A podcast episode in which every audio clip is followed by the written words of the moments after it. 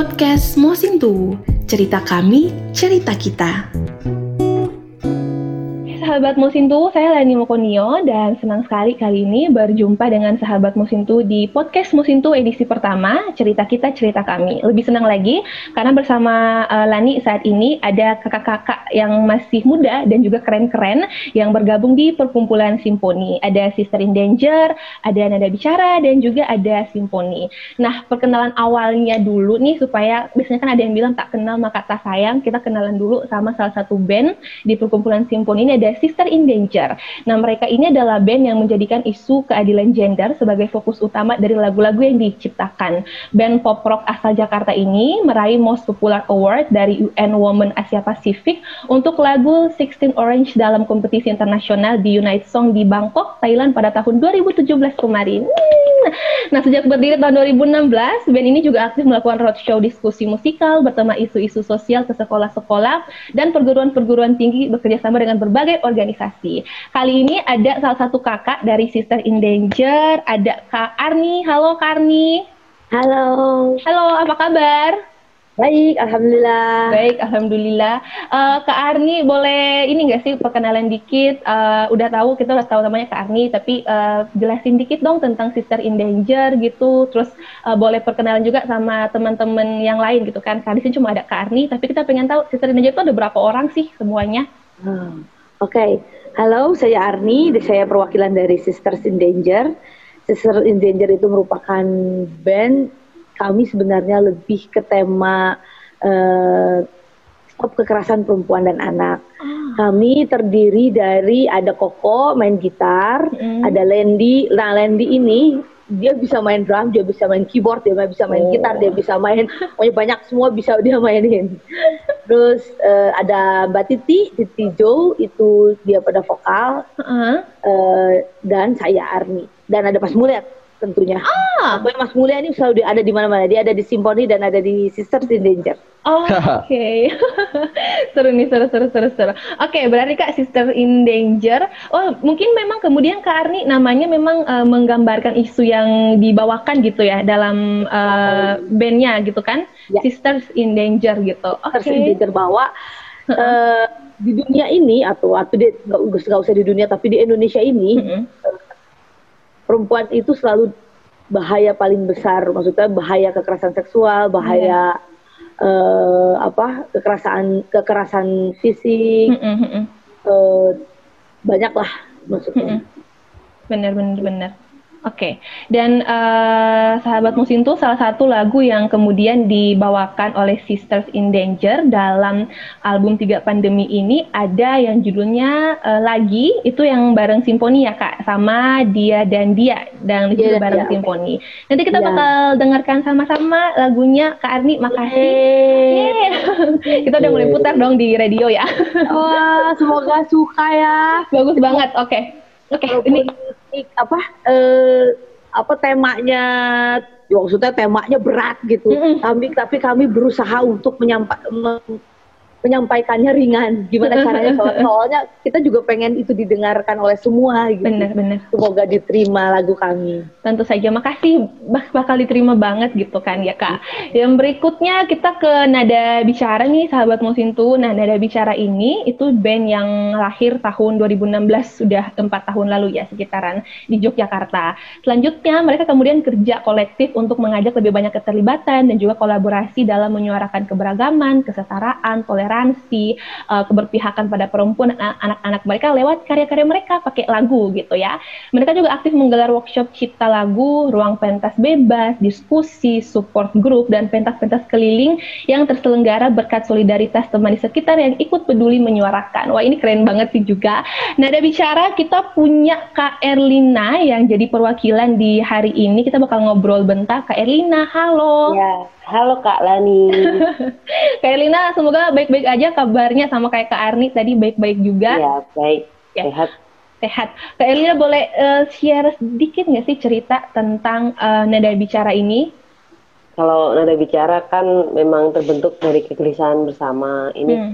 uh, kami anggotanya ada banyak Kak kalau disebutin nanti uh, bisa sampai seharian. Oh. Jadi mungkin gitarisnya ada empat, bassnya ada banyak lah pokoknya. Jadi kami memang sebuah kolektif akhirnya terbentuk. Awalnya uh, cuma ben-benan misalkan berlima gitu, tapi hmm. akhirnya banyak orang pengen terlibat seperti misalkan kalau aku juga pengen bikin lagu kayak gini kayak gitu. Akhirnya uh, terutama anak-anak muda uh, kemudian gabung oh. uh, bantu gitar terus bantu bass kayak gitu. Kalau yang uh, ada anggota utama itu ada saya, Erlina di vokal, terus uh, kadang juga main gitar tipis-tipis, terus ada Alex di perkusi, terus uh, ada Sasi Kirono di gitar, terus kemudian ada Aditya Gilang Ramadita di bass, hmm. terus apa lagi ya?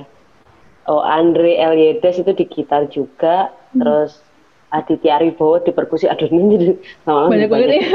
ya itu uh, di situ kita memang uh, concern ya, concern di album pertama kita ada hmm. di uh, tentang masa kecil.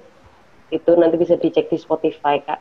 Oh, oke okay, oke okay, oke. Okay. Nah, ya, nah sekarang kita gabung nih di perkumpulan simfoni dan uh, pengasuhnya kita ini ada Kak Mulya. Oh, alah. tidak ter yang tidak terlewatkan. yes. gitu. Oke, okay. um, Kak Erlina, aku penasaran tadi waktu kakak bilang bahwa ini tuh banyak banyak banyak uh, banyak personilnya dan ada basis ada ini berarti maksudnya itu uh, siapa teman-teman yang ingin gitu atau misalkan mereka punya ide untuk untuk untuk lagu atau misalkan punya bakat di bidang musik itu boleh masuk aja Boleh. gitu. Oh. Iya, okay. jadi kita memang tidak membuka pendaftaran dan tidak uh, ini tidak mengeluarkan anggota. Jadi kayak misalkan siapa aja bisa boleh gabung. Mau mainin lagu kita di mana aja boleh banget gitu. Oh ini keren banget. Ini aku baru hari ini dengar ada ide seperti ini gitu ya untuk sebuah band. Wah, keren keren keren keren keren. Makasih Kak Lina.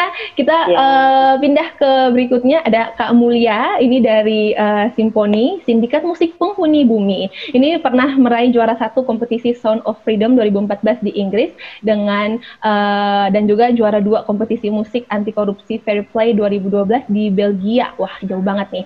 Selain membuat lagu-lagu bertema kemanusiaan dan juga Kelestarian dan berdiri tahun 2012, Simfoni juga aktif melakukan roadshow diskusi musikal bertema isu-isu sosial ke berbagai lembaga pendidikan dan berkolaborasi dengan berbagai organisasi. Tadi baru saja uh, udah um, ada janjian kolaborasi di awal dengan Musim Tuwu. ada Kamulia, Kamulia halo. Halo Lani. Halo, Kak Mulia. Kak Mulia harus uh, cerita banyak banget nih, termasuk um, tentang simfoni dan juga tadi Kak Erni dan Kak Erlina udah sempat bilang bahwa di setiap uh, pergerakan band mereka itu ada Kak Mulia tuh di dalamnya disebutkan Wah, namanya.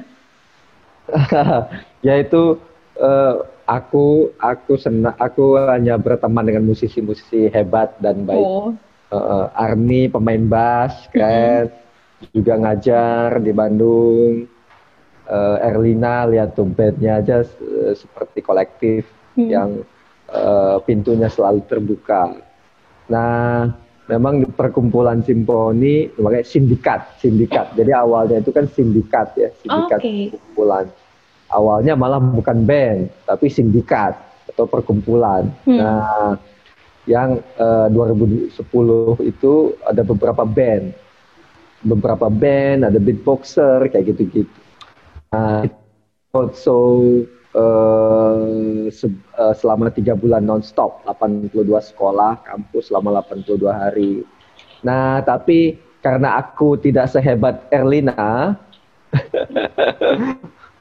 yang mampu mengelola banyak orang, akhirnya 2012 perku sindikat tadi menjadi band, satu band. Oh, okay. um, walaupun pada akhirnya 2016 diformalkan menjadi perkumpulan juga. Jadi ya oh. ada perkembangan apa dinamikanya. Tapi 2012 dia menjadi sebuah band. Oke. Okay. Eh, oh. Nah, band tapi ya sebagaimana band-band yang eh, band-band yang lainnya uh, gonta-ganti personil itu lumrah. Hmm. Uh, sementara tapi perkumpulannya lalu tetap kami formalkan, lalu tetap kami kumpul-kumpul, yaitu Erlina bergabung. Kapan ya Erlina ya kita ada workshop pertama kali gabung ya? Arni ya? 2018 apa? 2018. Ya. 2018. 2018 perkumpulan dipasti didukung oleh Kementerian Perempuan dan Anak. itu kami mengumpulkan mungkin ada sepuluhan band dari ada dari Sumatera Utara, ada dari uh, Riau, ada dari Bandung, ada dari Jogja, ada dari wow. Tasikmalaya, uh, ya mayoritas Sumatera dan Jawa. Nah belum menjangkau Sulawesi dan Kalimantan nih. Jadi kalau dengan kawan-kawan musim tua nanti mudah-mudahan ada Amin. ada, ada band atau musikus yang dari Poso bisa bergabung di kami, kami dengan senang hati. Nah, oh perkumpulannya dengan Mosin Tubuh Institute kita bisa kerjasama formal ya, mudah-mudahan ya. Nah, jadi, nah, jadi ada band simfoni, ada Sister in Danger, ada Nada Bicara, dan band-band yang lain. Tapi oh. dan band-band yang lain. Nah, tapi untuk mini album uh, tiga pandemi ini ya, hanya tiga band yang terlibat. Uh, jadi tiga band menyuarakan, menyanyikan tiga pandemi. Nah, kalau di uh, oke okay, simfoni personilnya vokalnya Nanda, gitarnya uh, Lendi, bassnya Rizal, uh, Gilang di drum, Revi di gitar dan vokal, aku aku itu gangguin aja di Symphony dan di Sister in Danger. iya.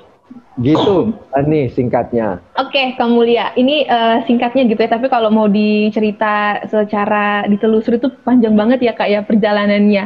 Wah, ya, ini keren sih. 10 tahun, 10 tahun. Sindikatnya 10 tahun, bandnya 8 tahun. Wow. itu lama banget sih. Terima kasih banyak Kak Mulia, Kak er, Kak Arni, uh, Kak Erlina juga dan selamat selamat banyak-banyak banget gitu untuk uh, mini albumnya tiga pandemi yang di Mosintu juga di radio udah kita mulai putar dari kemarin.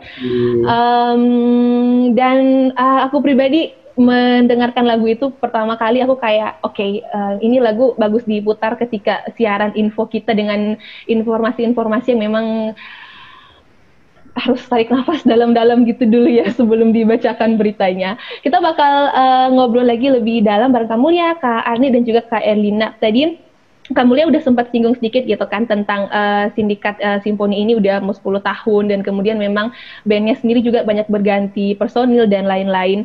Uh, boleh jelaskan sih kak dikit lagi gitu ya. Uh, aku tadi penasaran uh, awal dari mulanya perkumpulan simfoni ini kan tadi uh, dari kalau dari sindikatnya itu udah 10 tahun gitu kan. Tapi aku tadi penasaran juga ketika Kamulia bilang bahwa uh, perkumpulan simfoni ini itu adalah perkumpulan yang kemudian di dalamnya itu tuh banyak banget tuh uh, teman-teman uh, musisi yang gak gabung di dalam situ. Itu awalnya gimana, Kak Mulia?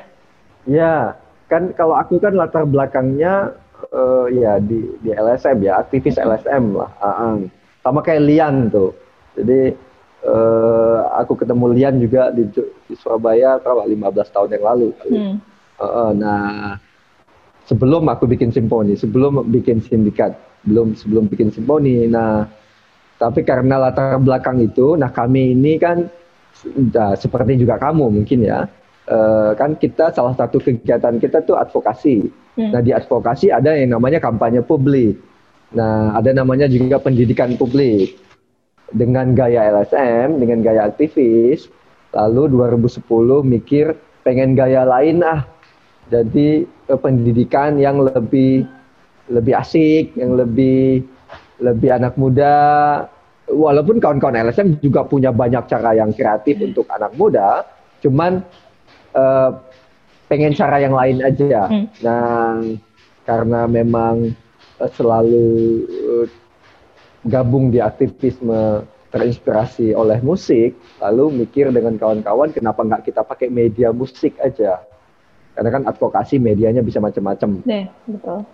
Festival Musim Tuwu itu juga sebuah media, ya kan?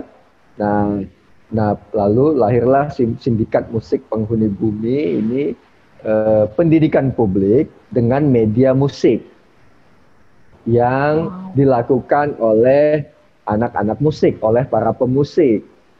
Nah, pemusik tidak hanya memberikan pendidikan, tapi juga mendapatkan pendidikan. Nah, jadi eh, sama-sama di internal kami saling kami terus belajar, tapi eksternal juga bukan mengajari, tapi kami membagi, berbagi ilmu, berbagi pengetahuan yang dibikin oleh kawan-kawan LSM. Hmm. Jadi kawan-kawan LSM itu se-Indonesia, sedunia, kawan-kawan NGO itu kan banyak banyak informasi, banyak informasi, banyak penelitian, banyak riset, banyak advokasi. Nah, kami kami berperan mentransfer informasi-informasi dari kawan-kawan NGO uh, dalam bentuk musik. Nah, atau dalam bentuk diskusi musikal. Hai. Jadi hasil risetnya kami sederhanakan, kami ambil mana yang penting-penting, lalu uh, kami masukin presentasi, lalu kami kami bikin lagu yang cocok dengan tema itu, kami sandingkan dengan lagu-lagu lain yang cocok, apakah milik kami sendiri, apakah milik hmm. orang lain. Kami juga cover-cover band lain yang bertema sosial. Nah, kayak gitu. Kami mengambil peran di situ. Jadi informasinya dari kawan-kawan LSM. Uh, uh. Nah, hanya informasi yang penting-penting itu tadi, bagaimana bisa sampai ke kawan-kawan pelajar SMP, bagaimana bisa sampai ke pelajar SMA, bagaimana bisa sampai ke mahasiswa dengan hmm. bahasanya masing-masing. Tapi bahas kita punya bahasa universal, yaitu musik. musik. Nah, musik menjadi jembatan, menjadi media untuk pengetahuan, informasi. Nah, mudah-mudahan ada informasi, ada musik, mudah-mudahan mau ikut aksi. Nah, aksinya bisa macam-macam. Mulai aksi menulis, mulai aksi ngeband juga, teater, atau aksi di jalanan, aksi demo, aksi lobby-lobby, macam-macam. Kan aksi advokasi itu mudah-mudahan bahannya bisa dari informasi kawan-kawan, LSM, emosinya bisa dari kawan-kawan musik. Nah, gitu sederhananya kayak gitu. Jadi eh, kami berperan di situlah nih band-band kami eh, perannya mengambil peran di situ.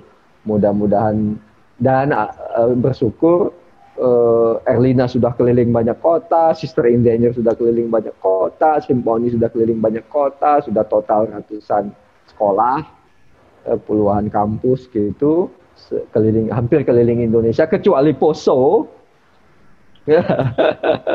Jadi wajib tahun depan setelah pandemi ke Poso sehingga eh, banyak lebih banyak anak muda yang bisa kami jangkau, kami berkenalan.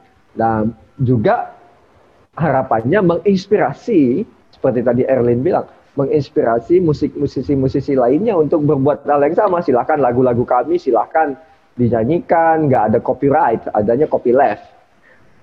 Nah, okay. jadi silahkan dinyanyikan, metode diskusi musikalnya kalau memang bagus dianggap bagus silahkan direplika. Mm -hmm. Nah, kalau kami diminta untuk melatih atau memfasilitasi, uh, kami juga siap. Erlin bisa ke sana, aku bisa ke sana, Arni bisa ke sana. Jadi semakin banyak semakin bagus. Benar. Karena di Indonesia ini band-band keren udah banyak, tapi kan masalah-masalah sosial juga semakin banyak, nggak berhenti berhenti. Nah, uh, satu Iwan Fals nggak cukup, satu efek rumah kaca nggak cukup, satu Sekar nggak cukup. Jadi butuh Sister in Danger, butuh nada bicara, butuh lain-lain lainnya. Benar, nah, benar. kalau ada band-band lokal di Poso lebih baik lagi tuh. Jadi pendidikan populer lewat musik dengan bahasa sederhana, diskusi, berdebat kayak gitu-gitu. Keren. Makasih Kak Mulia. Ini aku um, sampai gemes banget gitu kan karena belum sampai ke Poso nih uh, perkumpulan simfoni tapi benar harus ke Poso Poso, Poso harus banget nih. Uh, aku juga ingin uh, ini dari Kak Mulia kan kalau dari kayak Kak Arni dan juga Kak Erlina gitu kan. Kenapa sih dirasa perlu itu untuk gabung di uh, perkumpulan simfoni gitu kan dan menurut kakak-kakak dua ini apa sih sebenarnya yang mengikat kebutuhan bersama gitu loh di uh, perkumpulan simfoni? Entah secara pribadi gitu ya ataupun secara uh, band masing-masing di Sisters in Danger atau di Nada Bicara. Kak Arni dulu atau Kak Erlina, Kak Arni dulu deh. Oke. Okay. Uh, eh, saya itu udah lama banget main band. Karena udah dari dari wah udah lama banget sampai nggak tahu sampai kapan.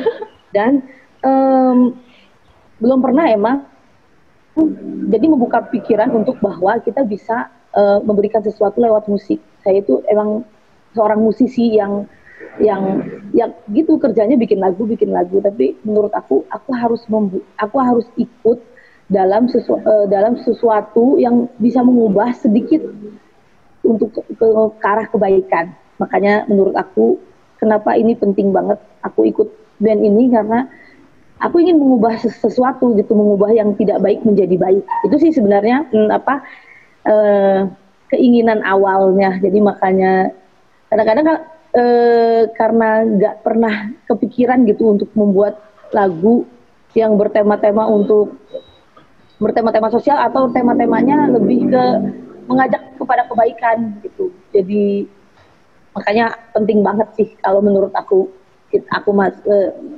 bersyukur banget bukan penting banget sih bersyukur banget aku bisa masuk ke sini.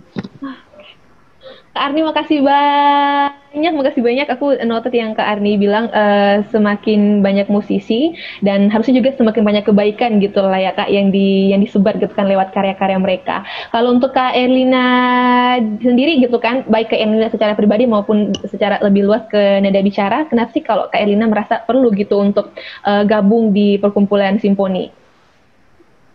Uh, kalau saya sih ngelihatnya karena kita uh, kemudian nggak bergerak sendiri, jadi berjejaring dan kemudian membuat aliansi itu penting ternyata karena kemudian kita bisa merencanakan lebih luas lagi kira-kira uh, siapa uh, ke mana dan kemudian siapa aja yang bisa diajak kayak gitu.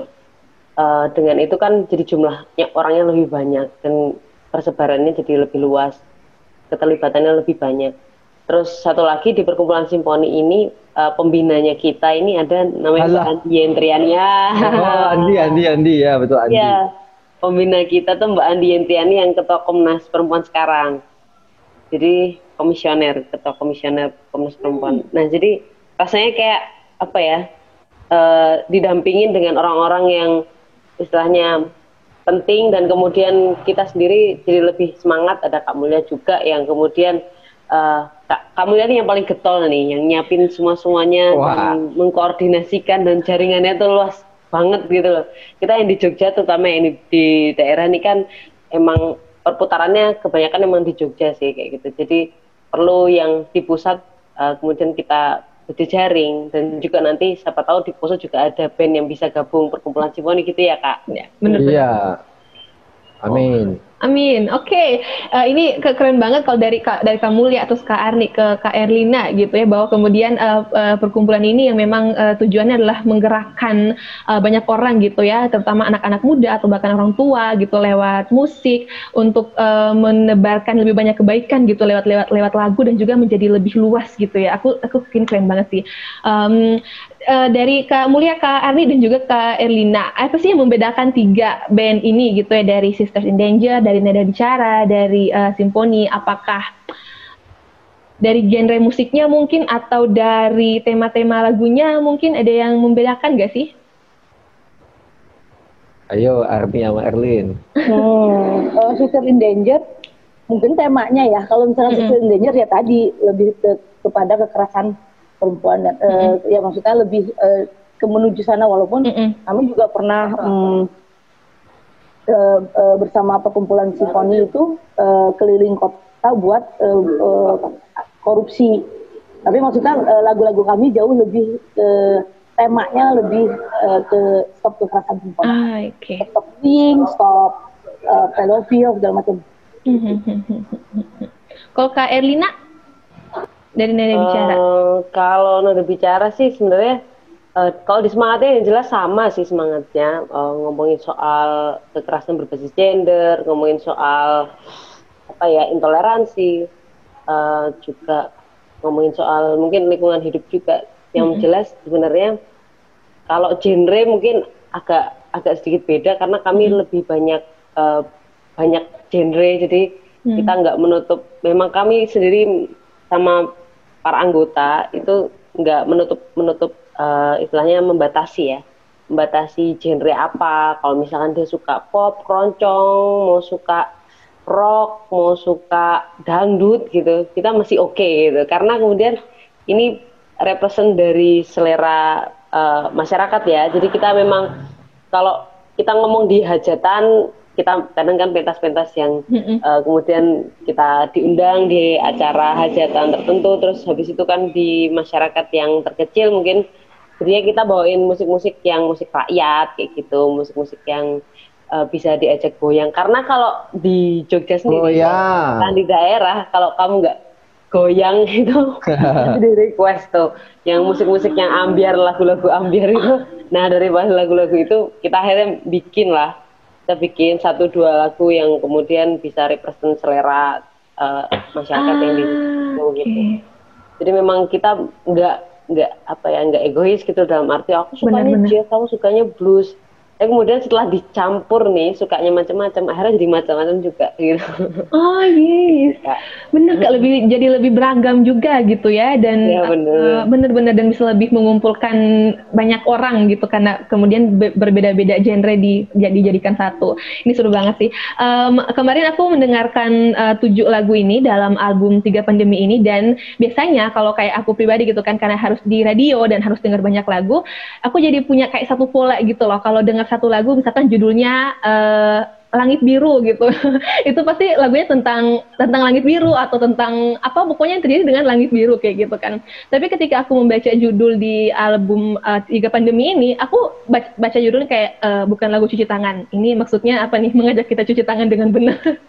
Ternyata pas aku dengar wow itu beda sekali gitu kan. Dan ini salah satu hal yang unik gitu kalau kalau menurutku gitu kan. Dan aku penasaran sebenarnya apa sih yang kemudian melatar belakangi gitu entah kegelisahan atau kegemasan atau rasa geram gitu atau uh, apa ya um, ingin menyumbangkan gitu loh ide-ide dari kakak-kakak bertiga ini sampai kemudian uh, lahir ide untuk membuat album tiga pandemi ini apa yang melatar belakangi semua hal itu sampai kemudian muncul tiga uh, satu album ini dengan tujuh buah lagu di dalamnya. Siapa mau dulu nih? Erlina, Armi. Oke, okay, aku dulu mungkin ya. Kalau uh, di album ini memang kemudian karena rencana di awal kita kan pengen keliling-keliling nih kak, uh, karena kita udah bareng-bareng terus pengen keliling-keliling terutama di Jogja ini masih belum sebanyak keliling-kelilingnya teman-teman hmm. Simoni dan Sister in Danger. Nah tapi kemudian ada covid nih. Hmm. terus akhirnya apa sih? Oh semua semua serba ahli media kan ya kak? Hmm. semua yang uh, kemudian pertunjukan si pertunjukan yang offline yang di panggung-panggung itu semua ditiadakan. Terus akhirnya kita harus berpikir oh iya ya udah kita kenapa enggak kita bikin album? Dan terutama kita kan yang di Jogja kalau dari pengalaman ada bicara sendiri kan gabut ini kak selama tiga bulan itu. Hmm. gak ada kerjaan. Akhirnya bikin lagu lah dan itu berdasarkan pengalaman-pengalaman kita masing-masing kayak gitu. Ada yang dicegat di jalan karena plat nomornya bukan plat nomor lokal kayak gitu. Terus ada yang uh, di portal nggak bisa masuk padahal urusan yang sangat penting kayak gitu. Karena kemudian masyarakat mulai portal-portal dan uh, yang kita dengar di di media itu kebanyakan lagu-lagu tentang cuci tangan kayak gitu. Jadi kita udah kita tuh udah kayak sama data-data dan himbauan itu sangat udah enak banget gitu ya kita udah tahu udah hafal bahkan sampai kayak gitu tapi terus direpetisi akhirnya kita ya udah kita uh, menyuarakan dengan bentuk yang berbeda hmm. hal yang mungkin terlewat di, untuk dipotret kayak misalkan isi kantong kayak gitu yang bener, secara apa ya perekonomian kita hmm. tuh uh, jatuh gitu ya hmm. terus habis itu ada ngomongin soal portal bagaimana masyarakat gagap dan kemudian panik dan kemudian bikin portal di mana-mana, bikin himbauan tulisannya itu yang mengancam gitu kayak gitu.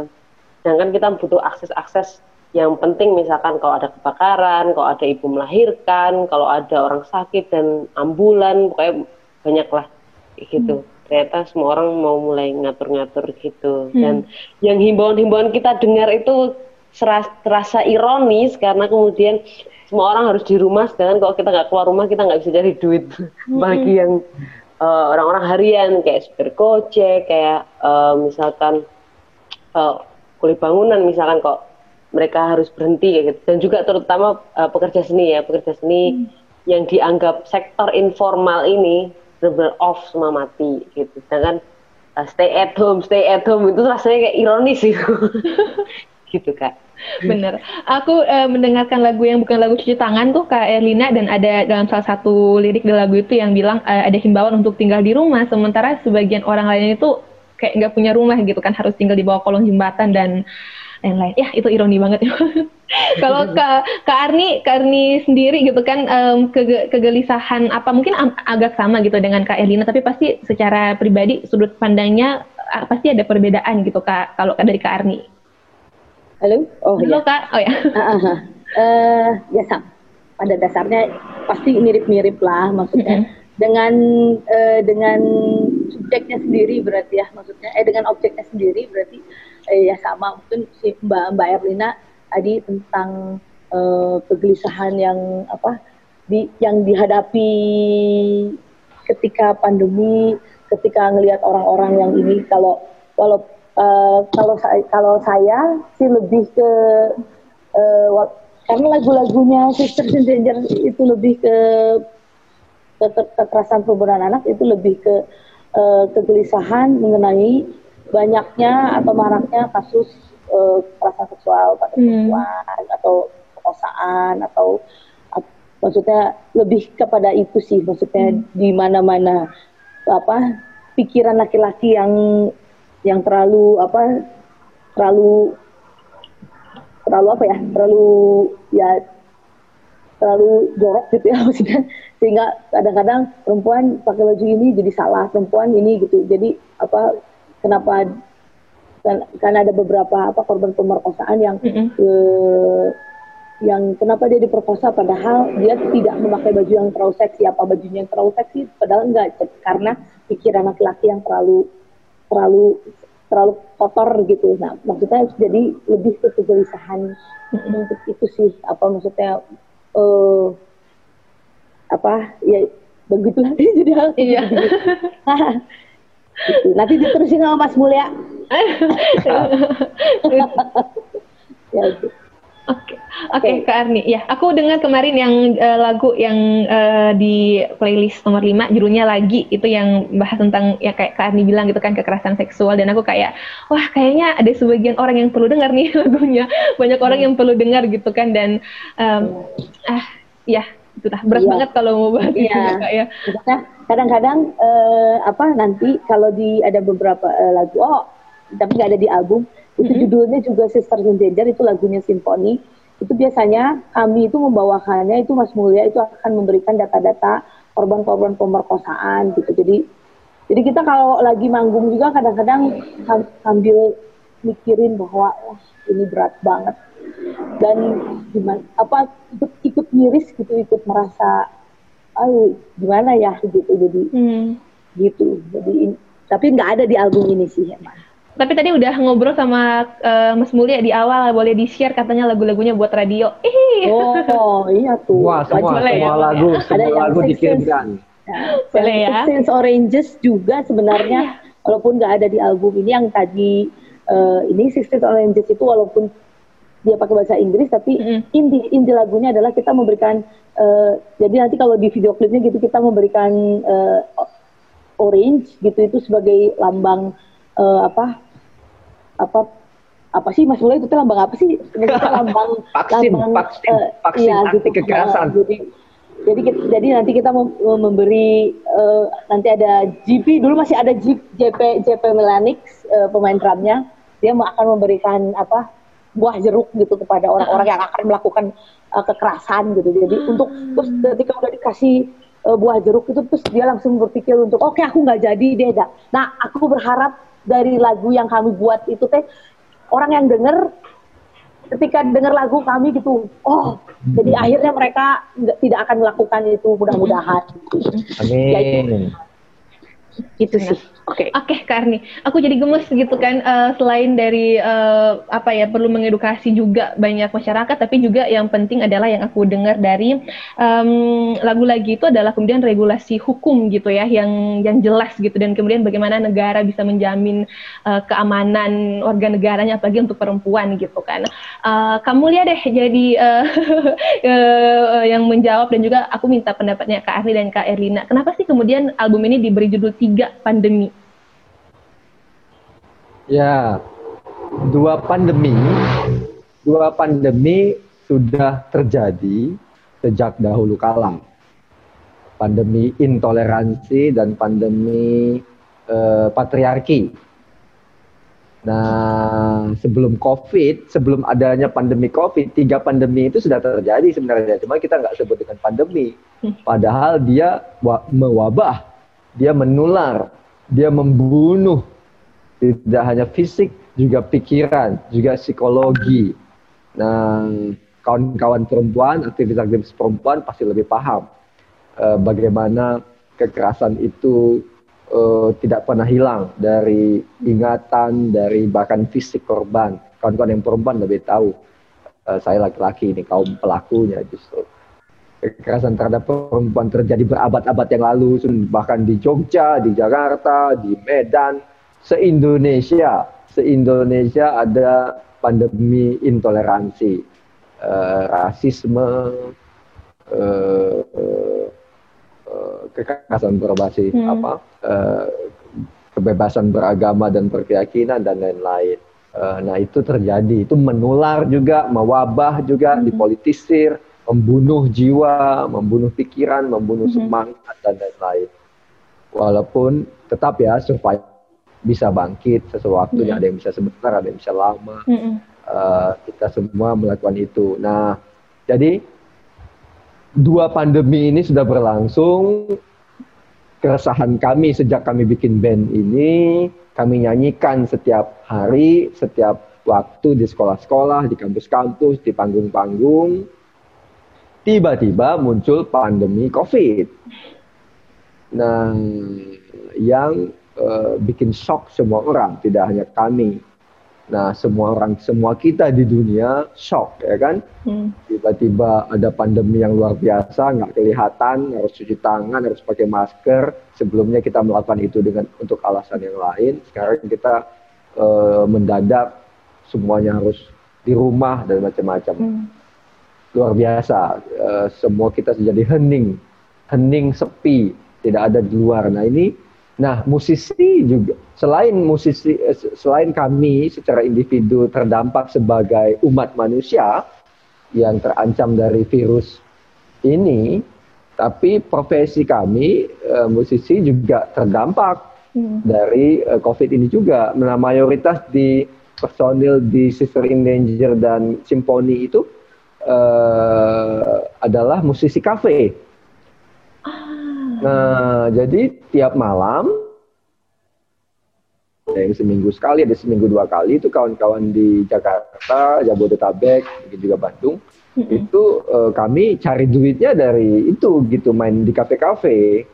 Nah, begitu ada pandemi COVID kan otomatis berhenti semua. Jadi kami adalah nah tadi uh, tadi Erlina juga cerita kan bener, apa semua yang pekerja seni kehilangan pekerjaan karena kita semua harus stay at home. Walaupun itu penting, jadi kami tidak tidak juga menolak. Uh, kami kami lalu tidak termasuk ke kelompok yang bilang ini konspirasi, ini hoax dan lain. Tidak. Kami tahu, kami kami berpihak kepada ilmu pengetahuan. Ilmu pengetahuan, kami manut apa kata dokter, kami manut apa kata epi, ahli epidem, epidemiologi, epidemiologi Nah, walaupun kami salah satu yang terdampak, kehilangan betul-betul kehilangan penghasilan. Nah, eh, tapi lalu muncul kan ide-ide kreatif atau konser hmm. online dan lain-lain. Nah, walaupun ya tiga bulan pertama, dua bulan pertama kita gabut lah, kita uh, bingung mau ngapain, kita shock kita ini. Nah, ketika tabungan mulai menipis, uh, ide-ide kreatif muncul. Begitu. Nah, jadi tiga pandemi. Jadi akhirnya kami bilang oke okay, ini tiga pandemi nih. Ya udah tiga pandemi stok lagu kalau untuk dua pandemi yang lain stok lagunya uh, nada bicara banyak banget. Stok lagunya simfoni banyak banget. Stok lagunya Sister Danger banyak banget untuk dua pandemi yang pertama. Nah lalu oke okay, kita tinggal bikin lagu untuk pandemi yang terakhir ini yang membunuh dalam waktu cepat yaitu uh, COVID ya kan, hmm. yang kami lalu uh, ngobrol, diskusi, uh, nggak susah lah, nggak susah bikin lagu COVID karena semuanya terdampak, karena Nah, musisi ini kan kalau emosinya terdampak, kalau perasaannya kena, itu kan langsung otomatis aja bikin lagu, oh. bikin lirik. Uh, uh, jadi siapa aja siapa yang kasih lirik, terus yang lainnya sudah punya stok lagu, sudah punya nada dasar, tinggal bikin, tinggal dirapikan. Nah, hanya bedanya biasanya ngumpul di studio, sekarang tidak bisa ngumpul di studio, tapi hanya bagi-bagi file. Jadi kami saling tukar file, bagi file, apa rekam di handphone masing-masing, terus di di share di WhatsApp group, ya kan? Gimana ada masukan, ada ini, ada itu. Nah prosesnya aja yang beda, tapi karena kami semua adalah korban juga sebagaimana kawan-kawan yang lain, jadi uh, lirik dan lagunya uh, bisa dihasilkan. Hmm. Itu. Jadi tiga pandemi dinyanyikan oleh tiga band. Oke, okay. aku uh, tadi udah uh, mencatat sedikit yang Kak Mulia bilang karena kemudian uh, proses pembuatan lagu, proses menciptakan, proses rekaman dalam masa pandemi berarti ini dikerjainnya memang lewat grup WhatsApp semua Kak uh, Mulia apa gimana? Ya, WhatsApp grup awalnya WhatsApp grup diskusi ketika sudah matang, mm-hmm. lalu uh, dikirim lewat email, Google, Google Drive ya kan, Google Drive jadi uh, rekaman di rumah masing-masing, lalu dikirim ke satu teman yang hmm. akan menjahit itu, merakit hmm. itu, me, me, me itu, lalu di share lagi kurang di mana, uh, bagusnya gimana, ganti di sini, ganti di situ. Ya jadi kayak sama juga kayak orang kantoran yang lainnya work from home.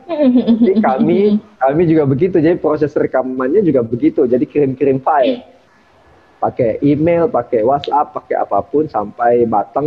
Lalu ada teman yang bertugas mixing dan mastering. Bagi yang juga, uh, tapi juga ada yang bisa beberapa teman bisa ke studio. Erlina juga nanti bisa cerita bisa ke studio. Jadi tergantung sikon masing-masing. Yang dekat mungkin bisa merapat dengan dengan protokol-protokol ya kesehatan ya, tetap ya masker, jaga jarak. Yang jauh-jauh memang kami kirim-kiriman file ini ya, aku aku aku nggak aku tidak bisa bilang gitu ya kayak oh ya uh, untung ya ada covid gitu ya sampai kemudian lahir uh, album ini. Tapi kemudian kak ini adalah salah satu hal yang uh, kreatif dan kritis menurutku menurutku karena dalam masa pandemi covid 19 seperti ini pun um, tidak membunuh kreativitas gitu ya, tidak membunuh kreativitas dan juga tidak membunuh apa ya rasa kebersamaan gitu ya, secara khusus sih dalam uh, teman-teman di perkumpulan simfoni. Ada tujuh lagu, aku waktu itu dengarkan lagunya satu persatu dari para garis depan dan Lock the Justice gitu kan. Kita bakal dengarkan cuplikan lagunya dimulai dari Parade Garis Depan dan juga bukan lagu Cuci Tangan. Tapi aku juga ingin uh, penasaran ingin tanya gitu ke teman-teman yang kemudian uh, mengerjakan dan juga menyanyikan lagu ini dimulai dari Parade Garis Depan ini dari uh, Sisters in Danger dan juga Simfoni. Apa sih Kak ide awal yang muncul ketika menuliskan lagu ini dan juga pesan yang ingin disampaikan dari lagu Parade Garis Depan? Bisa sama uh, Kak Arni deh. Oke, okay. uh, eh, parade garis depan, parade garis depan sebenarnya kami ingin uh, apa berterima kasih kepada orang-orang uh, yang di garda depan, orang-orang yang rela mengorbankan uh, nyawanya atau rela berkorban untuk tidak bertemu dengan keluarganya. Uh, mereka uh, mereka juga tiba-tiba gitu mereka harus menjadi pahlawan karena mereka juga benar-benar nggak ada nggak ada persiapan. Tiba-tiba uh, datang wabah langsung mereka tiba-tiba harus benar-benar uh, apa bikin barikade untuk ya maksudnya mereka bekerja sama gitu saling bekerja sama. Dan bahkan ada, ada kemarin cerita ada dokter yang mereka mengorbankan gajinya untuk langsung buat uh, ini apa alat-alat yang belum belum dikirim gitu. Alat-alat yang nggak ada mereka kayak masker APD. Ya misalnya mereka bikin sendiri dia korbanin. Terus ada yang sampai ada dokter yang kemarin cerita juga ada yang dia pakai mobil pribadinya dia angkut orang yang eh, terkena penyakit itu ke rumah sakit yang dirujuk gitu. Jadi mereka tiba-tiba menurut aku ini adalah uh, apa tanda terima kasih kami gitu maksudnya uh, apa tapi di sini juga ada uh, kritisi untuk uh, apa pemerintah sih uh, bahwa uh, di sini ada lirik bahwa negara jangan hanya bantu korporat jadi ketika emang uh, kita semua saling membantu gitu ada uh, ada di mana uh, teks apa perusahaan tekstil di mana mereka atau guru-guru di mana mereka membuat masker untuk dibagikan gitu. Jadi kan rakyat membantu rakyat. Jadi uh, ini juga kita kritisi pemerintah karena pada awal-awalnya pemerintah juga kan yang uh, apa ada yang awal banget yang tes swab yang hanya untuk anggota doang gitu yang sempat uh, apa anggota DPR. Ya, ya maksudnya uh, lebih kayak mementingkan pemerintah dulu gitu yeah. daripada rakyat. Okay. Sebenarnya kayak di sini juga ada sedikit kritisi juga. Selain terima kasihnya. Okay. Oh pengerjaannya ya? Eh tadi nanya pengerjaannya. Yeah. Yeah. Oh, pengerjaannya jadi ini lagu uh, aku yang buat nada tapi yang buat uh, liriknya uh, semuanya adalah Mas Mulya Uh, lalu kami pengerjaannya karena saya di Bandung, kawan-kawan ada yang beberapa ada di Depok, ada yang di Jakarta. Jadi kami kirim-kirim file berarti. Jadi saya mengerjakan di Bandung, di studio Bandung. Uh, ada kawan-kawan uh, yang yang bisa ber, bertemu langsung, mereka be, bertemu langsung yang dekat-dekat dengan uh, dengan protokol kesehatan yang ini, Mas Mulia dari Jogja terus Koko dari Jakarta. Jadi kita, kita cuma kirim-kirim file. Bertemu juga belum. Ini albumnya udah jadi kita belum bertemu sama sekali. Yeah. oke. Okay. uh keren banget sih ini. Um, aku, aduh, aku suka kata Kak Arni ada ucapan terima kasihnya untuk para pahlawan-pahlawan di garis terdepan, tapi juga sebagai pengingat gitu ya untuk uh, beberapa pihak bahwa ini serius gitu loh dari awal dan semoga sampai sekarang ini tetap ditanggapi dengan serius tentu saja. Yang berikutnya di um, nomor dua itu ada lagu bukan lagu cuci tangan. Ini lagu yang dari awal pas aku baca aku kayak ini apakah anjuran untuk mencuci tangan sesuai protokol kesehatan bagaimana gitu dari nada bicara. Kak Lina, boleh dijelasin nggak sih Kak um, ide awal dari lagu ini dan juga pesan yang ingin disampaikan lewat lagu bukan lagu cuci tangan? Uh, kalau bukan lagu cuci tangan, eh memang kemudian seperti yang tadi saya jelasin sedikit banyak ya. Kayak aku udah jelasin sebelumnya hmm. jadinya, jadi nggak urut. eh, ini kan bukan lagu cuci tangan, kita ngomongin soal apa yang terjadi kita alami di sekitaran teman-teman kita dan rasanya kalau kita mau bikin lagu yang lain selain realitas eh, yang kita alami realitas tentang karantina lah tentang PSBB realitas tentang meningkatnya jumlah jiwa yang terkena wabah itu kita nggak nggak kayak kita kesulitan gitu. Jadi akhirnya ya udah kita bikin lagu itu aja gitu.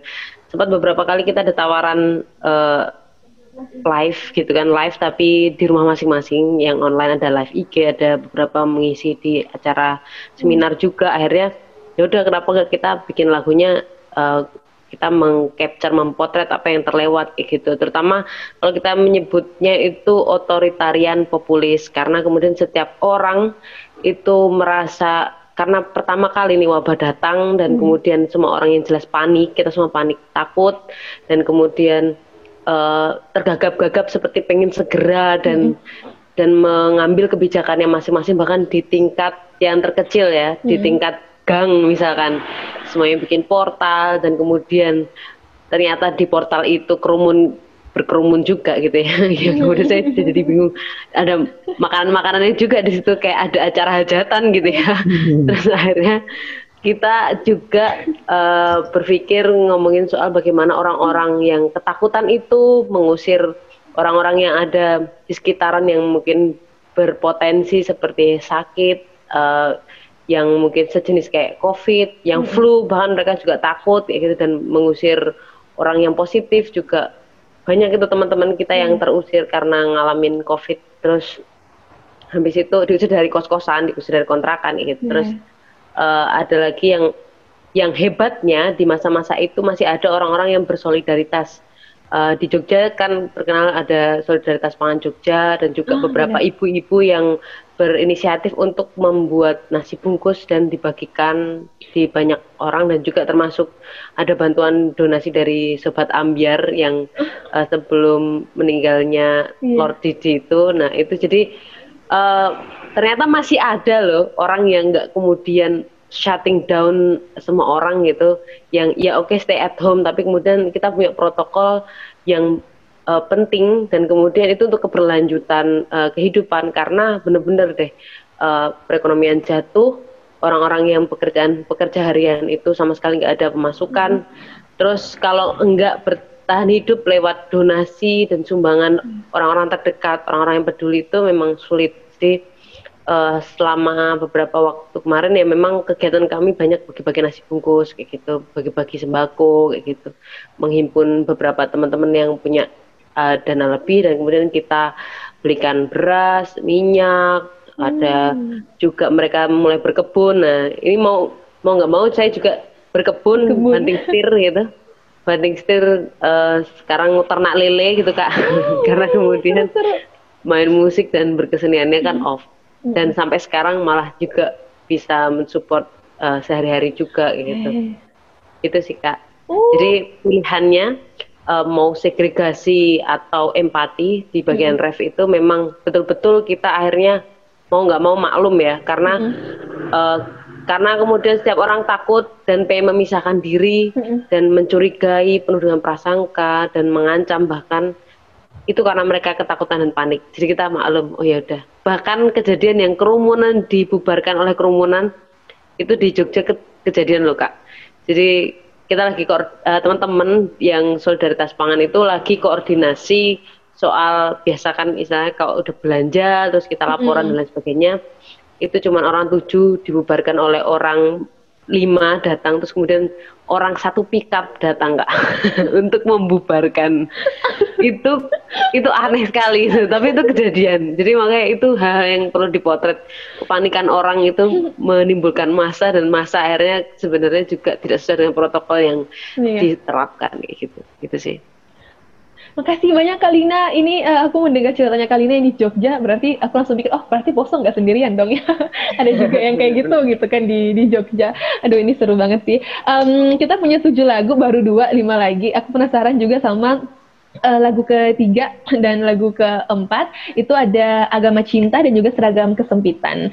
Nah, uh, agama cinta ini dari uh, Sisters in Danger dan juga Simfoni. Aku bakal tetap minta uh, ke Arni untuk ngejelasin gitu kan uh, latar belakang lagu ini gitu kak. Karena hmm, ketika mendengarkan lagu ini, aku pribadi uh, beberapa kali mendengarkan lagu yang apa ya menurutku isunya itu hampir sama dengan yang agama cinta. Tapi yang aku suka dari agama cinta di catatanku adalah um, apa ya bahwa sebenarnya semua ajaran semua agama itu tuh ajarannya itu baik gitu loh. Cuman kadang-kadang manusia aja manusianya gitu yang kemudian uh, apa ya mungkin salah pemahaman atau nggak nggak selesai gitu belajar tentang agamanya sampai kemudian berubah kayak gitu. Kak Arni aku uh, ya Kak Arni. Uh, boleh dijelasin dikit nggak sih Kak? Diceritain dikit deh sama uh, teman-teman yang lagi dengar podcast sekarang. Okay. uh, di agama cinta sebenarnya ini berarti sama lagi dengan kege, uh, yang kita adepin ya. Maksudnya uh, orang banyak yang merasa dia benar merasa dia sudah lebih baik gitu merasa dia lebih soleh. Tapi jadi akhirnya dia uh, menunjuk kepada orang sesama saudaranya atau siapa siapa pun kan merasa oh kamu salah saya lebih baik. Nah itu sih sebenarnya lebih kepada itu. Jadi sikap uh, eksklusivitas bahwa hmm. dia itu lebih baik daripada ad, apa, apa jadi ajar bukan ajaran agama maksudnya apa yang dia kerjakan kerjakan itu jauh lebih baik daripada uh, yang kamu kerjakan jadi langsung bahwa kamu salah bahwa uh, kalau kamu salah kamu tidak bisa masuk surga gitu maksudnya jadi kan banyak yang akhirnya uh, apa uh, apa konsep-konsep iya itu pemilik surga gitu kan kadang-kadang jadi gitu. Nah ini sebenarnya lebih kepada eh, pada kita ngasih tahu bahwa Rasul aja eh, Rasul itu sangat cinta kasih ya cinta hmm. damai.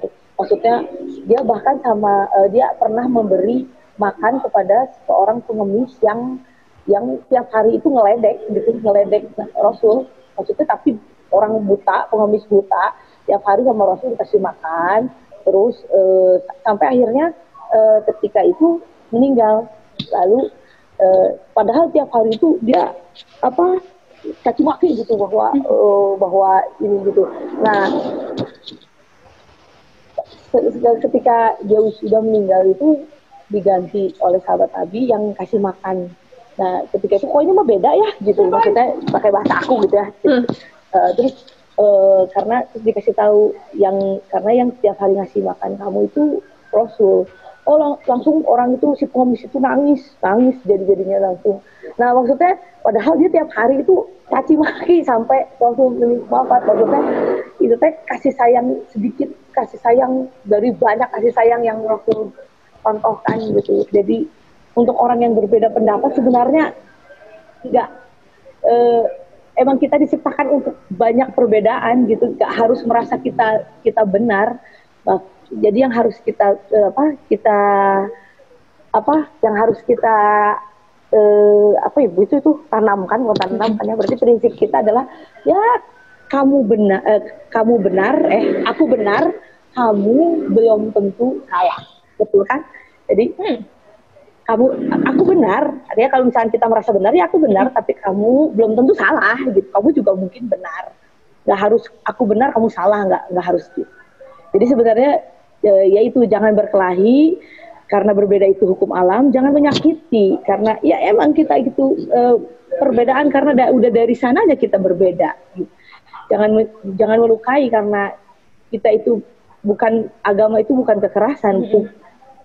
Agama itu menyuruh kita untuk berbuat apa mencintai sesama gitu. Jangan menghakimi karena Tuhan larang kezaliman. Itu sih sebenarnya eh, lebih ke situ sih lebih intinya. Hmm. Oke. Oke. Ini seru aku aku, aku suka uh, kata-katanya Kak uh, Arni tadi uh, saya benar tapi kamu belum tentu salah kayak gitu kan. Itu bisa jadi quotes loh Kak itu uh, aku aku catat deh untuk itu. Uh, yang keempat itu ada seragam kesempitan balik lagi ke Kak Lina dari Nada Bicara. Kak Lina aku mendengarkan lagu ini seragam kesempitan dan aku langsung mikir waktu itu wah aku harus mendengarkan lagu ini ke banyak orang gitu kan ke orang tuaku, ke teman-temanku, ke banyak orang pokoknya harus dengar lagu ini karena aku suka banget tentang tema yang diangkat di seragam kesempitan ini. Aku mau dengar ceritanya Kak Lina gitu, kenapa sih sampai uh, ada terlahir lagu seragam kesempitan ini gitu? Apa sih yang diingin-ingin disampaikan lewat lagu ini? Jadi kalau di seragam kesempitan ini kan kita mengcapture bagaimana kita ngomongin soal orang-orang yang terutama mayoritas itu bikin standar bikin standar buat kita yang sebenarnya bisa jadi bukan bagian dari mayoritas dan kemudian memang dipaksakan untuk hmm. kita agar kita diterima agar kita diakui terakreditasi kalau bahasa yang terakreditasi biasanya kampus ya tapi kemudian kita ngomonginnya uh, kalau kamu merasa mau diterima dan um, menjadi bagian dari masyarakat ini, hmm. makanya kamu harus memenuhi standar-standar standar. Nah, standar ini dibuat oleh standar norma, dibuat oleh orang-orang mayoritas biasanya nggak tertulis kak tapi itu berdampak secara sosial. Kita bisa hmm. terkucilkan terus dipinggirkan terus ya jelas tidak diterima kayak gitu. Nah beberapa hal yang mungkin terjadi kalau fenomena di Jogja ya jelas Jogja itu masih termasuk lima besar kota yang intoleran. Itu berdasarkan risetnya setara institut. Nah, juga Tempo juga bikin riset yang sama dan hasilnya juga sama, lima kota terbesar uh, yang intoleran. Banyak kalau mungkin dari peristiwa-peristiwanya dari segi etnis yang jelas etnis minoritas uh, pernah mengalami intoleransi di sini juga berdasarkan agama. Hmm. Kalau yang agama ini bahkan di uh, lingkup terkecil kami juga ngalami teman-teman sendiri. Kayak misalkan kalau di Jogja mau nyari kontrakan yang ditanyain pertama itu adalah agamanya. Kamu agamanya apa? Gitu. Baru boleh nyewa kontrakan. Terus hmm. ada beberapa teman juga yang ngalamin uh, harus mengaku beragama mayoritas dan kemudian agar mereka agar dia tidak dia diterima gitu. Hmm. ya pura-pura ikut kegiatan keagamaan di sana gitu. Padahal agamanya bukan itu. Gitu. jadi uh, itu dari segi agama ya kemudian intoleransi yang lain ngomong tentang seksisme. Di sini kalau uh, perempuan pulang malam kayak gitu terus akhirnya ditegur sama ibu kos sampai diusir juga beberapa teman ngalami. Dan kos-kos yang uh, atau kontrakan yang intoleran khusus keluarga beragama mayoritas atau khusus uh, kos-kosan khusus uh, beragama mayoritas kayak gitu. Itu kan mm -hmm. uh, banyak juga di Jogja kayak gitu. Jadi uh, terasa sih kalau kalau uh, pernah tinggal di Jogja yang konon katanya sebagai uh, daerah yang wisata yang ngomong wisata ya memang harusnya kalau menerima orang siapa pun yang masuk ke dalam sini kan harusnya plural gitu ya. Tapi ternyata enggak juga kayak gitu kak uh, okay. apalagi ya udah itu mungkin. Bener ya. Aku uh, setuju sama kak Elina. Uh, di Poso juga di tempat tinggalku mungkin nggak seperti uh, yang terlalu terjadi di Jogja gitu kan tapi memang sedikit banyak banyak uh, banyak nggak sedikit standar-standar yang kemudian dipaksakan apalagi terhadap perempuan gitu kan dari kebudayaannya atau bahkan dari uh, segi tradisi dan itu terlalu banyak lah dan kadang-kadang bikin kayak aku muak. Makanya ketika pertama kali mendengar lagu ini, kayak oke okay, aku harus share lagu ini sebanyak mungkin gitu ya. Uh, oke, okay, uh, eh, lanjut lagi ke lagu kelima kita. Ini judulnya yang paling sederhana ada lagi dari Sisters in Danger dan juga Symphony. Aku minta gantian deh dari Kak uh, Ani ke Mas Mulia untuk jelasin uh, kenapa sampai lahir lagu lagi ini dan juga um, apa yang ingin disampaikan lewat lagu ini, Mas Mulia. Ya, karena lagi-lagi ada berita tentang kekerasan terhadap perempuan dan anak. Dan dan begitu dilihat datanya memang begitu. Eh, Komnas Perempuan mencatat setiap dua jam itu tiga perempuan yang jadi korban. Uh, setiap hari berarti berapa itu? 24, 25 perempuan. Nah kami-kami ini, uh, ya kalau sebegitu banyaknya korban, lagi-lagi baca berita, hmm uh, begitu. Lagi-lagi nonton berita begitu, lagi-lagi buka medsos beritanya begitu juga gitu. Dan kalau sebegitu banyak korbannya dan sebegitu tinggi uh, intensitasnya, siapa yang menyamin besok lusa bukan uh, keluarga kita sendiri, bukan teman sendiri. Paling nggak untuk saya pribadi ya, untuk saya pribadi, uh, makanya Simponi sejak 2013 uh, bikin lagu Sister in Danger. Ya, Sister in Danger itu dulu awalnya itu judul lagu, lalu uh, jadi nama band di 2008 di 2016. Nah, paling nggak untuk saya pribadi makanya bikin lagu Sisters in Danger itu lagu pertama. Saya pribadi shock ketika tahu, oh ternyata ayah bisa perkosa anak sendiri. Oh ternyata pemerkosaan itu ternyata ada keroyokan, gang rape. Satu, nah itu saya ber, terus terang saya ber, sekian lama saya sekian lama di uh, di dunia aktivisme tahu tahu kekerasan tahu KDRT tahu kekerasan seksual tapi baru tahu bahwa pelakunya adalah mayoritas adalah keluarga terdekat atau orang-orang terdekat teman sendiri teman kantor teman kampus dan lain-lain itu di 2013 Makanya bikin lagu Sister in Danger. Nah sejak saat itu lalu saya dan band lalu berkomitmen, oke okay, uh, eh, kita fokus di isu ini deh. Karena band untuk isu anti korupsi banyak band yang lain. Hmm. Untuk isu lingkungan hidup sudah banyak band lain. Tapi untuk isu perempuan dan anak kayaknya setahu kami belum ada atau mungkin belum banyak. -hmm. Waktu itu malah belum kenal Erlina, belum kenal Arni. Nah, nah jadi lagi-lagi, lagi-lagi ada berita, lagi-lagi ada hmm. kasus, lagi-lagi ada dan dan mengerikan ya yeah. kakek kakek perkosa cucu, ayah perkosa anak, paman perkosa ponakan, teman perkosa teman, kolega kantor perkosa kolega kantor. Tidak hanya perkosaan, juga ada seksisme, ada catcalling hmm. dan lain-lain. Dan pelakunya laki-laki, saya laki-laki. Nah, kami laki-laki yang dari lahir sudah dapat privilege, sudah dapat ke keistimewaan macam-macam mulai dari rumah sampai keluar, uh, nah menjadi pelaku. Tapi karena saya punya adik perempuan, saya punya kakak perempuan, teman-teman perempuan, akhirnya ini ini bahaya betul gitu. Nah, benar. Nah, mulai saat itu Komnas Perempuan, risetnya kawan-kawan perempuan dan lain-lain.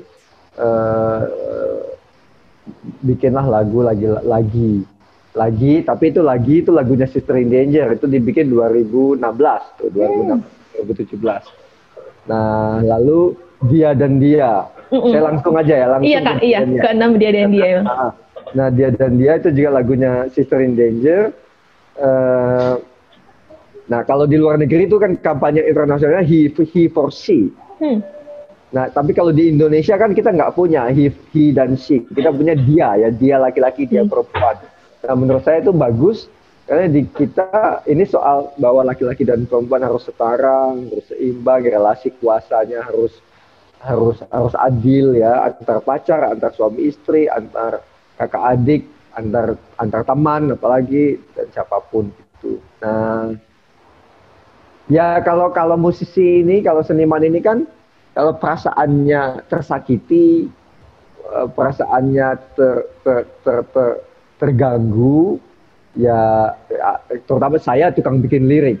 Hmm. Jadi kalau saya terganggu apa pun itu, eh, bikin liriknya, lalu store ke teman-teman musisi. Nah musisi, teman-teman musisi kayak Arni, kayak Erlin, kayak teman-teman yang lain dapat lirik begitu, tahu maksudnya, karena kita karena kami juga diskusikan ya uh, sebelum-sebelumnya ketika ketemu ketika manggung kawan-kawan bisa menerjemahkan lirik itu menjadi hmm. sebuah lagu yang pas gitu.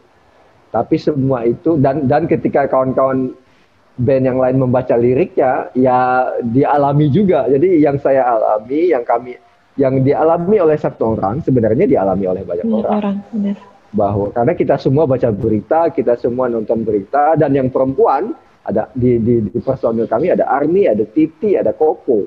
Ya itu mengalami mengalami catcalling, mengalami seksisme, Erlin juga mengalami. Jadi jadi sebenarnya ini dialami tiap hari oleh perempuan. Nah, kami yang laki-laki dulu sebelum kami gabung di band ini mungkin kami melakukannya kami sweet-sweet, kami kami siul-siul, ya kan? Tapi begitu tahu harus belajar, harus stop. Karena ini perubahan tingkah laku. Benar. Perubahan perilaku itu tidak gampang. Makanya di simfoni, lirik lagu itu bukan tidak tidak hanya untuk orang lain, tapi juga untuk diri kami sendiri.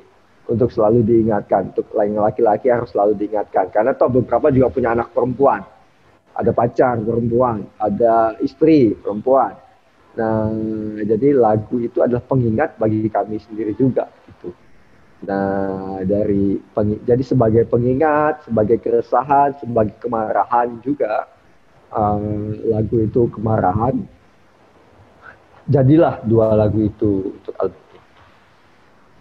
Hmm. Oke, okay. oh kamu lihat, aku sampai uh, tidak bisa berkata-kata gitu dengar uh, um, penjelasannya kamu lihat gitu ya, karena memang um, kekerasan seksual itu salah satu isu yang aku sendiri uh, ingin terjun ke sana, tapi uh, belum terlalu sanggup gitu karena itu harus tarik nafas panjang gitu ya untuk mengerjakan dan juga untuk me, apa ya membantu korban-korban kayak gitu ya. Dan aku rasa lewat lagu ini salah satu media yang menurutku bisa diterima semua orang dan juga pertama aku dengar lagu ini aku merasa kayak uh, oke okay, aku nggak sendirian gitu loh. Ada orang yang kemudian juga bekerja di isu yang aku inginkan untuk diperhatikan kayak gitu ya. Dan juga mungkin bisa jadi perhatian banyak orang sih juga ya kamu lihat termasuk tentang dengan pemerintah dan regulasi yang harusnya itu menjamin yeah. keamanannya warga negara termasuk keamanan yeah. perempuan gitu ya mungkin bisa ya. didengarkan gitu kepada mereka yang bilang bahwa RUU PKS ini sulit atau apa ya ya rumit untuk dibahas gitu mungkin yeah. setelah mendengarkan lagu mereka bisa kayak oh iya ini harus segera dikerjakan kayak gitu nah di di lagu di lagu parade ada lirik yang tadi Arni ceritakan mm -hmm. jadi bantu korporat itu juga bisa termasuk di undang-undang. Nah, ketika di masa pandemi bukannya mensahkan undang-undang PKS uh, eh, yang yang juga yang meningkat, KDRT meningkat di masa pandemi iya, di seluruh benar. dunia, di seluruh dunia meningkat. Nah, undang-undang penghapusan kekerasan seksual ini uh, oleh kawan-kawan perempuan sudah diadvokasi lebih dari lima tahun. Begitu juga undang-undang uh, pekerja rumah tangga sudah -hmm. 10 tahun diadvokasi tapi enggak juga disah-sahkan eh, masuk eh, prolegnas juga enggak gitu. Tapi di masa pandemi ketika orang uh, susah demo segala macam malah omnibus law, uh, cipta kerja, uh, undang-undang mineral, undang-undang lainnya yang yang menguntungkan korporat, yang menguntungkan perusahaan-perusahaan besar, yang merugikan masyarakat mm -hmm. adat, yang merugikan nelayan, yang merugikan petani justru disahkan. Nah, jadi negara ini eh, nah lalu dana dana dokter-dokter tuh nggak punya bikin APD sendiri dokter-dokter bikin nah. masker sendiri sampai donasi di mana-mana tapi lalu pemerintah gelontorkan miliaran untuk buzzer, untuk influencer, influencer. influencer. Nah, jadi yang penting dokter-dokter yang yang yang di yang di garis depan yang mengobati pasien, mm -hmm. PD-nya tidak lengkap, tidak punya uang, intensif insentifnya, gajinya, mm -hmm. uh, uang lemburnya nggak dibayar-bayar, tapi negara malah bayar influencer. Nah, makanya di parade, di di lagi, di di, di dia dan dia dan juga di lagu-lagunya nada bicara semua lagu kami pasti ada kritik kepada negara pasti ada kritik kepada pemerintah. Karena memang kekerasan ini struktural karena kemiskinan ini struktural karena pandemi ini pun juga bisa di, bisa dibilang struktural. Di awal-awal justru yang bikin hoax kan para menteri yang menggampangkan kan para menteri, menteri. ya eh, dan presiden juga. Lalu uh, pariwisata yang dibuka cepat-cepat. Padahal mm -hmm. uh, ahli, ilmuwan, dokter semuanya bilang harus lockdown, lockdown, lockdown. Mm -hmm. Nah lalu subsidi harusnya ada ada ada ada jaminan nih bagi musisi, bagi pekerja esensial lainnya untuk oke okay, tidak kerja di tidak kerja di luar, kerja di dalam rumah, tapi kasih subsidi, kasih BLT apa pun namanya. Negara lain melakukan itu. Benar. Oh, rakyatnya disuruh tinggal di rumah, tapi dikasih uang itu lumrah di mana pun karena sekian puluh tahun negara dapat uang dari rakyat. Nah saatnya pandemi ini harusnya negara kasih uang kepada rakyat. Jadi musisi walaupun di rumah dapat penghasilan. Jadi nggak nggak uh, nggak kehilangan penghasilan. Nah bagi apalagi yang uh, tenaga medis, tenaga kesehatan. Nah, tapi kan negara tidak melakukan itu, justru promosi pariwisata, justru influencer dikasih uang miliaran segala macam. Nah jadi uh, selalu uh, negara memang paling bertanggung jawab terhadap tiga pandemi, mungkin juga pandemi-pandemi yang lain. Hmm. Wah bener, aku nggak sabar buat uh, ngerjain podcast ini. Bener banget kamu lihat. Um, itu yang aku suka dari lagu-lagu yang aku dengarkan di album tiga pandemi ini gitu kan, karena kemudian kita bisa mengkritik uh, pemerintah, mengkritik kebijakan gitu kan lewat lewat lagu gitu. Yang terakhir ada Lock the Justice ini dari uh, Sisters in Danger. Aku minta Kak Arni untuk uh, share cerita sama kita kenapa sih Kak lagu ini ada dan juga apa yang ingin disampaikan lewat lagu Lock the Justice ini. Oke, okay. sebenarnya Lock to Justice ini lagunya udah lama ya, udah dua tahun ya Mas Mude? Iya. Ya, udah dua tahun. Ini bonus nih bonus. Bonus track. ya, sebenarnya uh, si lagu ini le lebih ke tentang jadi gini, ada beberapa orang yang misalkan dalam satu keluarganya ada orang yang berkebutuhan khusus, uh, jadi kayak apa uh, Down syndrome apa mm -hmm. gitu tapi untuk di beberapa daerah atau yang pendidikannya masih belum sampai, itu mereka dipasung. Jadi sebenarnya si uh, Lock the Justice ini sebenarnya lagu untuk stop pemasungan terhadap uh, orang ah, anak berkebutuhan khusus. Sebenarnya lebih ke itu sih. Jadi uh, walaupun pakai bahasa Inggris ya, our mind stuck in the past. Jadi uh, jadi kepikirannya bahwa mereka malu gitu punya satu keluarga yang uh, apa yang yang gitu mereka merasa itu apa uh, uh, apa kutukan gitu. Jadi makanya mereka ini apa dipasung hmm. sebenarnya mereka kan sebenarnya juga bisa dapat hidup bebas sebenarnya. Atau dapat dapat uh, apa mendapat peri, uh, apa uh, apa uh, akses fasilitas. ya, ya dapat fasilitas yang sama seperti kita sebenarnya gitu. Benar kalau misalkan di di orang yang di perkotaan sih sebenarnya udah nggak terlalu banyak tapi di hmm. di daerah-daerah daerah. masih cukup masih cukup banyak masih cukup tinggi. Itu sih sebenarnya. Jadi mereka dianggap uh, semuanya dipukul rata mereka dianggap gila. Jadi mereka malu mereka dipasung. Oke. Okay. Iya, Karni, makasih banyak. Uh, ini um, ya Local Justice. Betul Karni bilang kalau di uh, beberapa daerah mungkin masih ada gitu ya yang memang belum belum mendapatkan pengetahuan yang terbuka gitu, yang luas gitu ya tentang uh, mental illness atau misalkan disabilitas dan lain-lain itu memang penting untuk dikerjakan juga karena itu kurang dibahas sebenarnya ya. Aku uh, belum pernah menemukan lagu sejauh ini atau misalkan eh, musisi-musisi kemudian uh, sebelum aku mengenal uh, Sister in Danger di perkumpulan simfoni dan lagu Love Justice ya kemudian mengangkat isu tersebut dalam karya-karya mereka. Ini seru banget dan kita bakal dengarkan uh, lagu-lagunya ada tujuh lagu juga. Terus uh, pertanyaan terakhir dan juga closing statement dari Kak Mulia, Kak Lina dan juga Kak Arni gitu kan. Kenapa kakak-kakak merasa gitu bahwa uh, anak-anak muda dan juga musik itu perlu berperan dalam konteks-konteks seperti yang dijelaskan atau yang disentil dalam tiga album tiga pandemi ini. Dari Kak Mulia dulu deh, terus Kak Lina, baru Kak Arni. Oke, okay. uh, eh, karena ini juga closing, jadi sebelum hmm. ke penjelasan itu, aku sampaikan ke kawan-kawan di di Poso hmm. di, bahwa silahkan ditonton video klip Parade Garis Depan di YouTube di channel YouTube-nya Sisters in Danger. Juga ada video klip-video klip yang lainnya bisa ditonton. Ada uh, uh, penampilan-penampilan langsung bisa silakan ditonton. Mm-hmm. Nah lagu-lagunya selain didengarkan nanti bisa didengarkan gratis di radionya Mosin Tuwu, tapi nanti tanggal 25 besok ya. Iya, besok. Uh, eh. Nah, besok Hari 25, ini Kak 25. Eh, hari ini 25. Oh, hari ini mudah-mudahan hari ini atau mungkin besok itu sudah bisa dibeli di digital store. Mm -hmm. Jadi uh, mudah-mudahan udah bisa. Jadi kalau bagi yang mau, mau memiliki sendiri, nah ini penghargaan kepada musisi. Jadi beli lagunya. Kalau mendengarkan gratis, silahkan dengarkan di radionya Mosin Turu.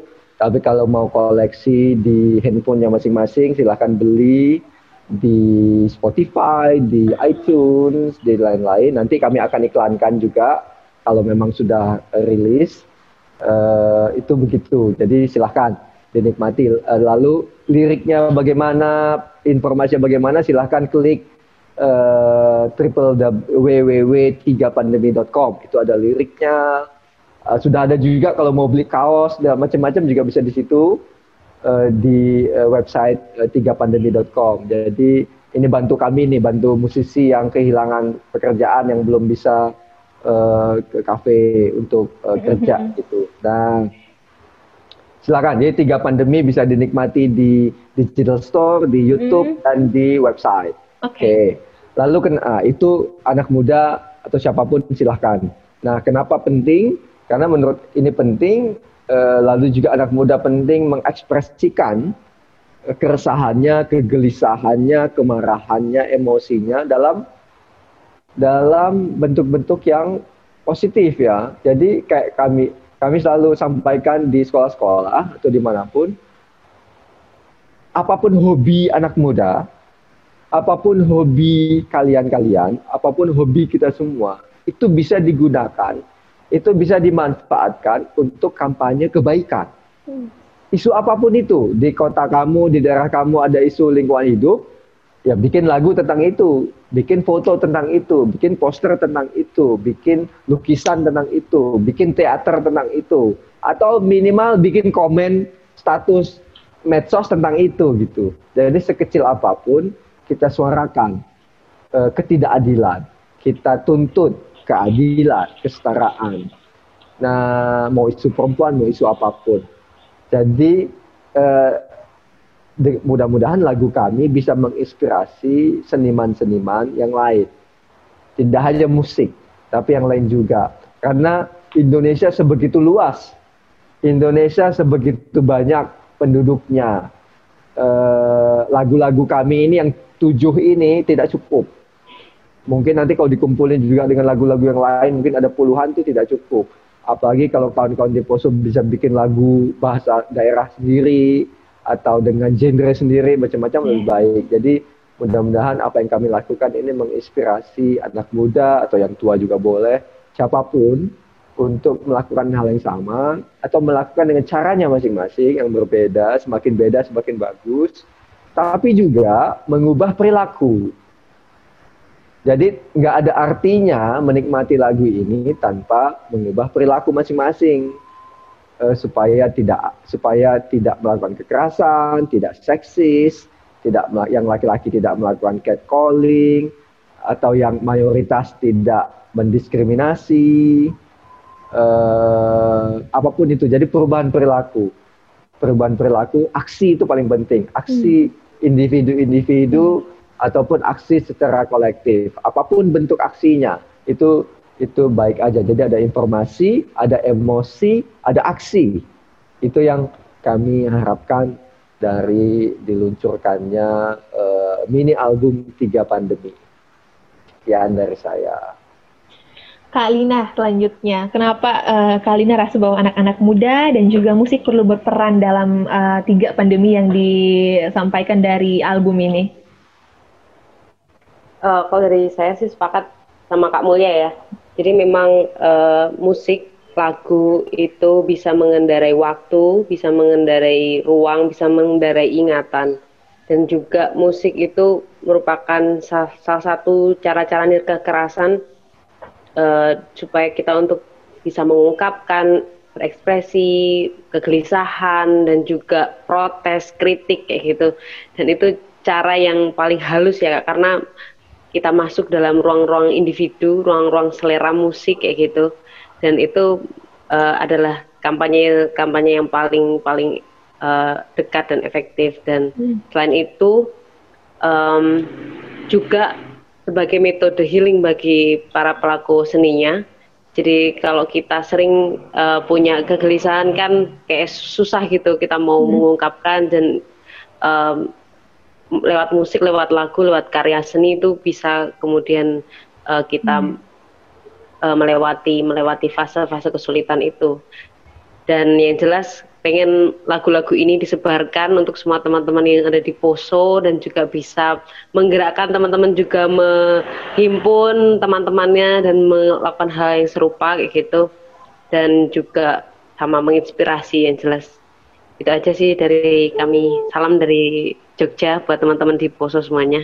Terima kasih Kak Lina. Ini harus ketemu nih tahun depan di festival nih. Kak Arni, uh, yuk Kak Arni, last but not least nih ya pasti karena udah disebutin semua pasti sama lah ya. Jadi aku mau ngomong apa? Paling paling bilang gini, karena musik itu bisa mengubah dunia.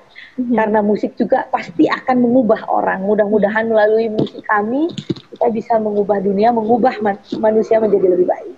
Amin. Amin, amin, amin, amin, amin. Sampai bertemu uh, di podcast. Ah, harus, harus banget ya ketemu di Poso nih. Aku uh, gemes banget harus ketemu karena um, terima kasih banyak kakak-kakak di perkumpulan uh, Simponi udah ngobrol bareng kita di hari ini di uh, podcast cerita kita cerita kami di podcast Mesin Tung. Ada Kak Mulia dari Simponi, ada Kak Arni dari uh, Sisters in Danger dan juga ada Kak Lina dari Nada Bicara. Podcast Mosintu, cerita kami, cerita kita.